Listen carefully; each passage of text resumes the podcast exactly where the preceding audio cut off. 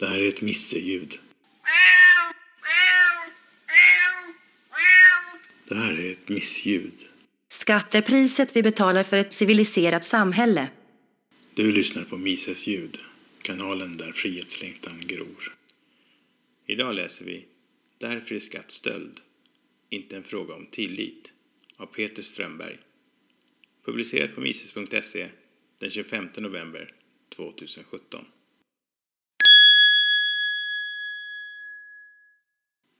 Det svenska folket har degenererat sedan Nils Dackes tid. Från att ha vetat exakt vad skatt är, vad det är kungens fogdar gör när de samlar in den del av människornas arbete som staten anser sig äga, har skatteboskapet övergått till att försöka intala sig självt att det älskar att bli beskattat. Statens hovpoeter av idag behöver inte arbeta alls lika hårt som deras kollegor av svunna dagar behövde, även om kunskapen om att skatt är, alltid har varit och förblir stölder svår, till och med för staten, att helt radera ut. Än finns det de bland oss som inte försöker inbilla sig att det är något annat. Än finns det de bland oss som försöker påminna andra om att skatt fråntar människor något som är deras. För det mesta får vi motståndare till skatt skrika oss hesa på våra egna, i sammanhanget små, plattformar. Lena Anderssons satir på ledarplats i Dagens Nyheter om när lön blir stöld från staten är ett underbart och fantastiskt undantag. De vars uppdrag det är att uppmuntra folket att fortsätta anstränga sig att internalisera statens version av vad beskattning är har inga som helst problem att få utrymme på de bredare plattformarna. Det finns hela mediehus vars enda funktion är just detta. Och SVT och SR behöver inte dra hela lasset själva. Alla huvudfårans stora plattformar gör sig villigt tillgängliga. Det tycks inte ens finnas någon verkshöjdströskel för berättelser som går i linje med vad staten vill trumma ut. För några veckor sedan fick till exempel historieprofessor Lars Trägård stort utrymme på Expressens kultursidor att blanda bort korten kring vad skatt är. Han tar i stort sett hela Nyspråksordboken i bruk för att bevisa att skatt inte är stöld utan handlar om tillit. Till och med låtsaskompis Molgan får vara med under den orwelliska beteckningen samhällskontraktet. Trädgård påstår sig vara en vän av tillit, men menar då inte tillit människor emellan, något han uppenbart ser som dåligt. Tillit betyder i hans ordlista att människor underkastar sig staten. När folk istället synar härskarklassens myter blåser han i Hesa Fredrik och målar med tjocka, mörka färger upp skräckscenarier kompletta med grindsamhällen och misär. Men om skatt verkligen var ett uttryck för tillit skulle människor då behöva tvingas att betala den. Staten är inte samhället utan den utväxt på samhället som upprätthålls med våldsmonopolet. Människor behöver inte hotas och tvingas till att lita på varandra eller till att samarbeta och erbjuda varandra hjälp. Skatt är stöld eftersom den tas ifrån oss oavsett om vi vill det eller ej. En frivillig transaktion karaktäriseras av att det finns en överenskommelse Anders vill ha något som Beata har och erbjuder henne något i utbyte. Om Beata värderar det hon har lägre än det Anders erbjuder sker utbytet. Både Anders och Beata tjänar på denna transaktion. Stöld känns igen på att en överenskommelse saknas. Anders tar det Beata har oavsett vad Beata vill. Anders är vinnare och Beata är förlorare. Om Anders sen levererar något till Beata som Beata kanske eller kanske inte vill ha ändrade inte på handlingens karaktär.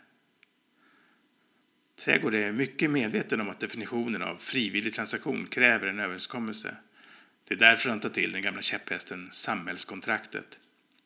Det kontraktet finns inte. Inte ens i den version där skattebetalaren får vårdköer och indoktrinering av sina barn i utbyte mot att bli bestulen.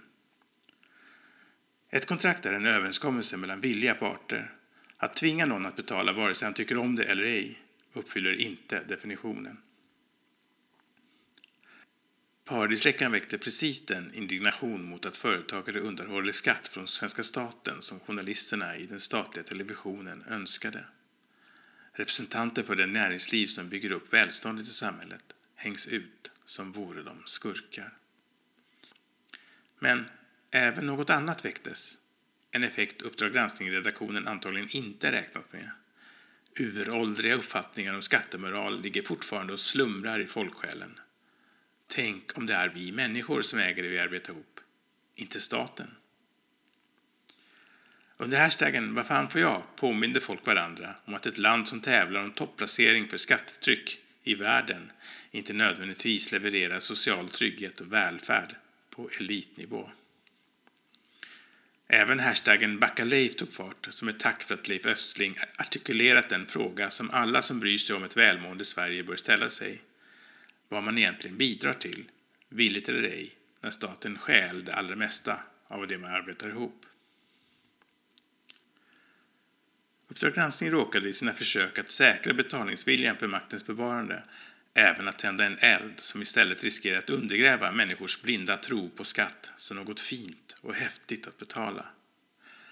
Påpekandet att skatt är stöld väcker i hettan från denna brand istället för den vanliga ilskan och huvudskakningarna nyfikna frågor från folk som vill veta mer om det resonemanget. Bra då för staten att det finns fler som kan rycka in och sjunga dess lov. Men H-poet Lars Trägårds försök att kratsa kastanjerna ur elden är betecknande slarvigt och illa underbyggt. Han påstår till exempel, helt utan att belägga det, varför skulle han behöva det? Att individens frihet är större i ett samhälle med starkare stat. I vilken ordbok återfinns den definitionen av frihet som skulle göra det påståendet sant? Individens frihet definieras annars som frihet från att utsättas för våld, hot och tvång. Alla råkar vara funktioner som statens makt vilar på. Fler påståenden som symptomatiskt saknar stödjande resonemang är att skattesystemet skapat gynnsamma förutsättningar för såväl näringslivet som för medborgarna. Att USA är ett splittrat land på grund av att tilliten till den stora staten minskat.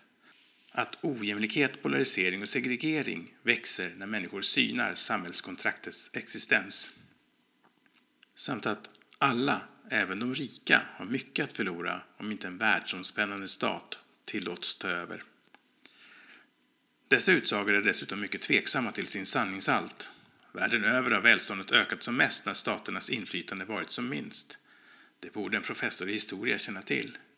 Men det passar inte in i Trädgårds världsbild, där ordet privat, som egentligen bara betyder att människor gör något för varandra utan tvång inblandat, ska fulas ner och människor förmås att sträcka sig efter statens hand när de behöver något.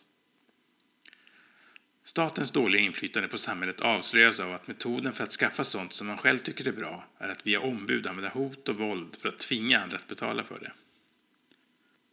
Ett friskt samhälle känns igen på att den som vill att något ska finnas själv arbetar för det och övertygar andra via dialog och väl valda argument att vara med.